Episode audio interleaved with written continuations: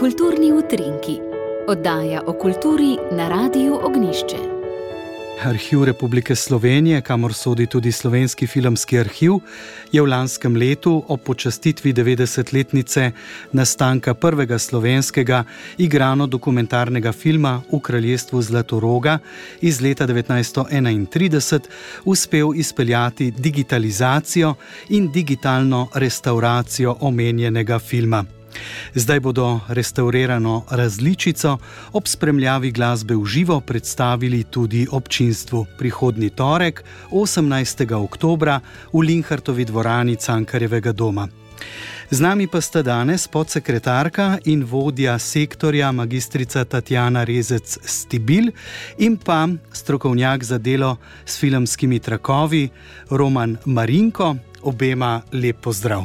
Pozdravljeni. Pozdravljeni. Pa bomo kar začeli z filmom V kraljestvu Zlatoroga, prvim slovenskim nemim celovečernim filmom iz leta 1931, ki je bil velika uspešnica tako pri nas v Sloveniji, kot tudi širše v Evropi, pa tega morda niti ne vemo tako zelo. Leta 1931 v Ljubljani 15 tisoč obiskovalcev oziroma gledalcev, kar je, glede na to, da je bila Ljubljana velika približno 30 tisoč, 35 tisoč ljudi, pravzaprav pol vsega prebivalstva si ga je ogledalo, kaj ne.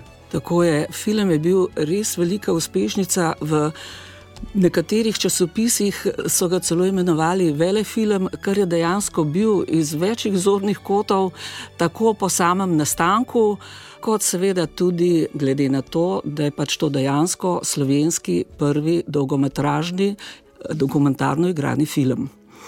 Njegov nastanek so spremljale pravzaprav najrazličnejše prigode, tudi nezgode. Nastajajo kar tri poletja v produkciji turistovskega kluba Skala, to je bil gorniški klub, ustanovljen leta 1921, izjemno dejaven, tudi v fotografski in filmski sekciji. Njegova gonilna sila dejansko je bil Janko Ravnik, sicer uh, glasbenik in velik fotografski in filmski navdušenec. V starinarni v Ljubljani so kupili kamero, ki so jo potem v Nemčiji uspeli usposobiti, in to je bila tista glavna, sicer še naročni pogon, s katero je bil pravzaprav film posnet.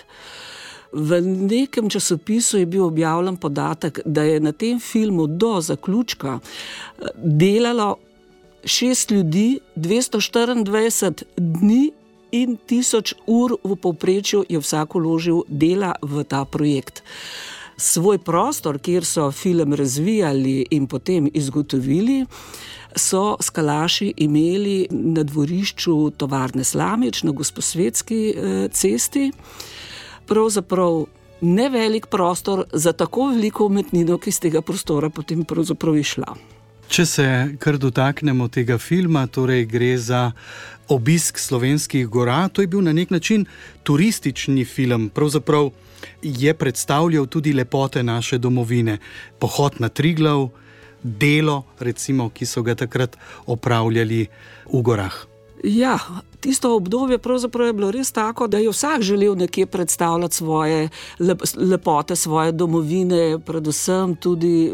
Ker Slovenci smo znani po, po gorništvu, po zgodovini, eh, seveda je bila to naša, je to naša, bila lahko prioriteta, če temu tako rečem.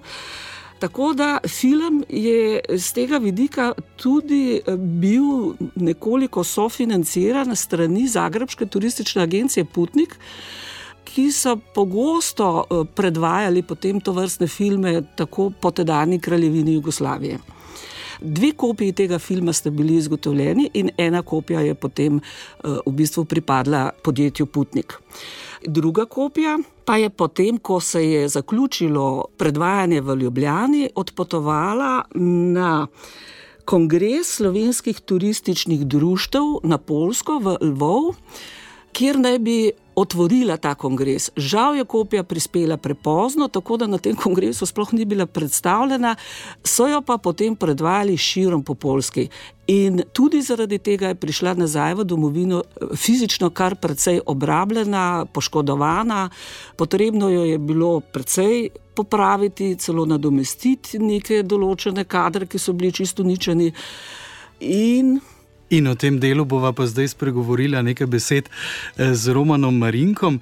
Ja, tukaj gre pravzaprav zdaj kar za neko detektivsko zgodbo. Namreč mi poznamo film uh, V kraljestvu Zlatoroga, večinoma tako po kakšnih insertih in tako naprej.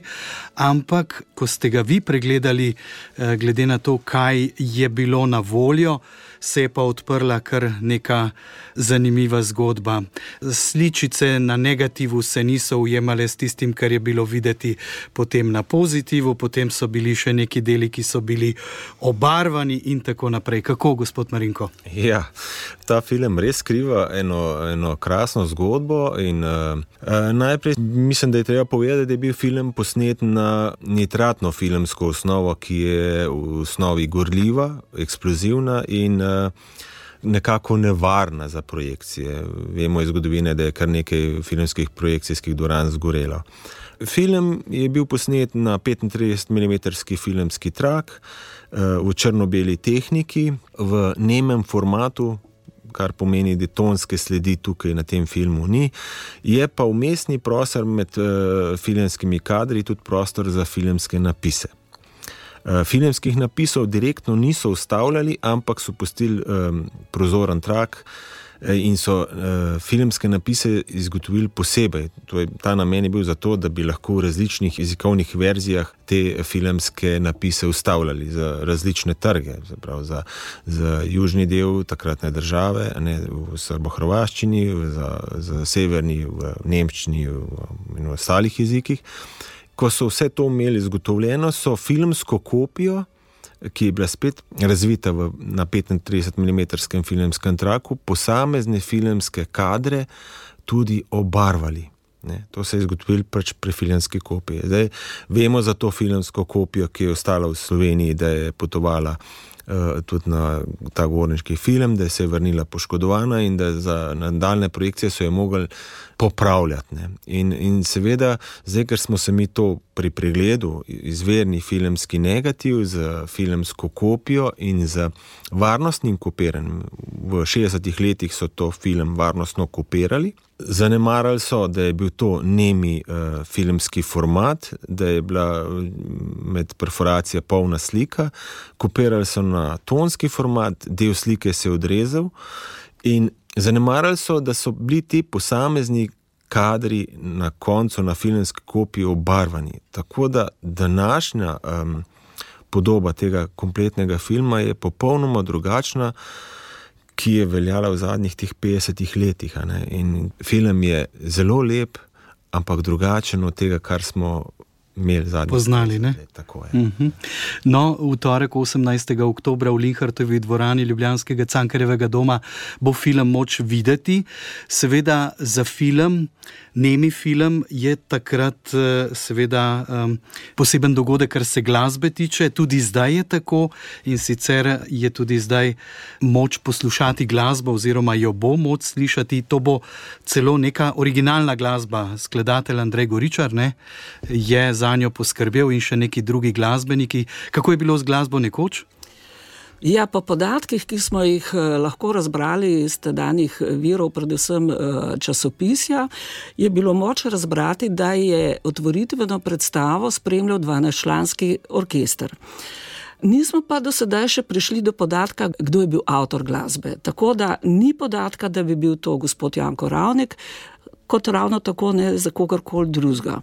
Ko se je film kasneje predvajal, je bil ta glasbeni sestav nižji. Seveda, nemi film se je pač vedno predvajal ob spremljavi, ob glasbeni spremljavi. Tudi sedaj smo poskrbeli, eh, torej film bo spremljal, avtor glasbe je eh, Andrej Goričar in skupaj s svojim eh, štiričlanskim glasbenim sestavom bo tekla ta glasbena spremljava. Morda še to ob tem filmu, namreč film eh, o kraljestvu Zlatoroga je nastal, ko je drugot po Evropi ali v svetu bil že do dobra upeljan zvočni film. In seveda tudi že pri nas so lahko gledalci spremljali zvočne filme po kinematografih. In so se včasih celo malo spraševali, avtori, pa tudi kritiki, če jim tako rečemo v navednicah, da morda ni to eh, neke vrste handicap za film, skratka, da bi bil film s tem mečkano prikrajšan. Pa so vendarle vsi bili enotnega mnenja, da film svojo vsebino, svojo podobo ne želi biti nek komercialni film, nek roman, kjer mu bodo lepote slovenstva samo za kuliso, ampak je to srce tega filma. In eh, dejansko je v končni fazi in končni izdelek kaže na to, da so uspeli pri tej svoji ideji. Roman Marinko, še beseda ali dve o tem, kako je potekala ta digitalizacija. Obstajajo posebni študiji, ki se ukvarjajo samo s tem, da presnemujejo te stare filme in tako naprej. Tukaj se postavlja potem tudi vprašanje, koliko ohraniti tistega, da film še vedno deluje star, koliko to izbrisati, kako ste se vi pri filmskem arhivu tega lotili. Ja, predvsem eh, naša naloga je pri materialnem varstvu, da proučimo vse materijale, ki jih hranimo. Glede na to starost filmskih materijalov, smo pregledali vse materijale, tako na nitratni filmski osnovi, acetatni, in uh, ugotovili, da se te verzije med seboj razlikujejo. Ko smo videli, v kakšnem stanju so izvirniki, smo um, upravili razpis za restauracijo, ponazorili, kakšne so um, zahteve, kakšni so pogoji, glede na um, stanje materijalov. Uh, arhivskega, filmskega arhivskega gradiva. Na uh, razpisu je bil izbran italijanski laboratorij Imaginary Trovator v, v Boloniji. Moram povedati, da smo vse te vsebine filmske različne zajeli, naredili primerjavo in potem uh, ustvarili neko celoto, ki je taka, kot naj bila v primeri. In upoštevali, da je bil to nemi film z mednapisi, in da so posamezni filmski kadri na končni filmski kopiji tudi obarvani. Na koncu imamo izdelek filma, ki se um, je zelo približal takratnem uh, filmu o primeri.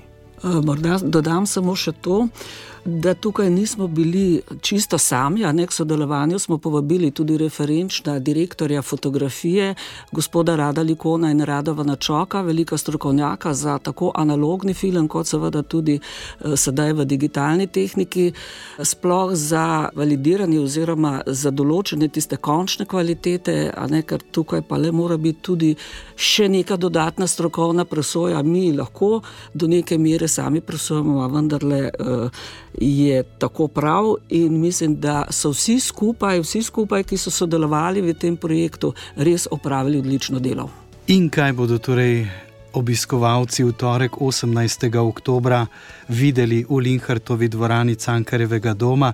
Mislim, da je prav, da ob koncu tega pogovora, kjer smo predstavili, kaj vse ste naredili ob 90-letnici tega slovenskega igrano-dokumentarnega filma v kraljestvu Zlatoroga, zdaj tudi povabimo, ne, da pridejo, predstava je odprta. Eh, bo tudi kaj časa še moč videti na ogled v kakšni produkciji, ali bo to zgolj premjera? Ne, to je zaenkrat mišljeno kot enkratna premjerna projekcija, eh, tako kot ste napovedali. Še vedno, seveda, so tu v ozadju lastniki oziroma dediči avtorskih pravic po uh, gospodu Janku Ravniku, tako in po naši zakonodaji gre to za zasebno arhivsko gradivo, in v tem primeru je potem neko javno predvajanje, seveda, povezano tudi z njimi in z njihovimi dovoljenji, predvsem. Tako da mi za to priložnost smo si to od njih pridobili. Jaz upam, da se bodo uh, lahko tudi oni udeležili tega dogodka. Vsekakor vljudno vabljeni vsi, ki vas zanima tako zgodovina filma, kot seveda tudi slovenske gore in njihove lepote in, in seveda srčnost slovenskega človeka, ki se vleče eh, že cel naš obstoj. Tako da upam, da se bomo v čim večjem številu eh, v torek 18. oktober srečali v Cankarevem domu. Tako, drage poslušalke in dragi poslušalci, res lepo vabljeni. Podsekretarka in vodja sektorja na Slovenskem filmskem arhivu, magistrica Tatjana Rezec Stibil in pa strokovnjak za delo s filmskimi trakovi Roman Marinko. Hvala lepa za obisk v našem studiu in srečno. Hvala tudi vam za povabilo.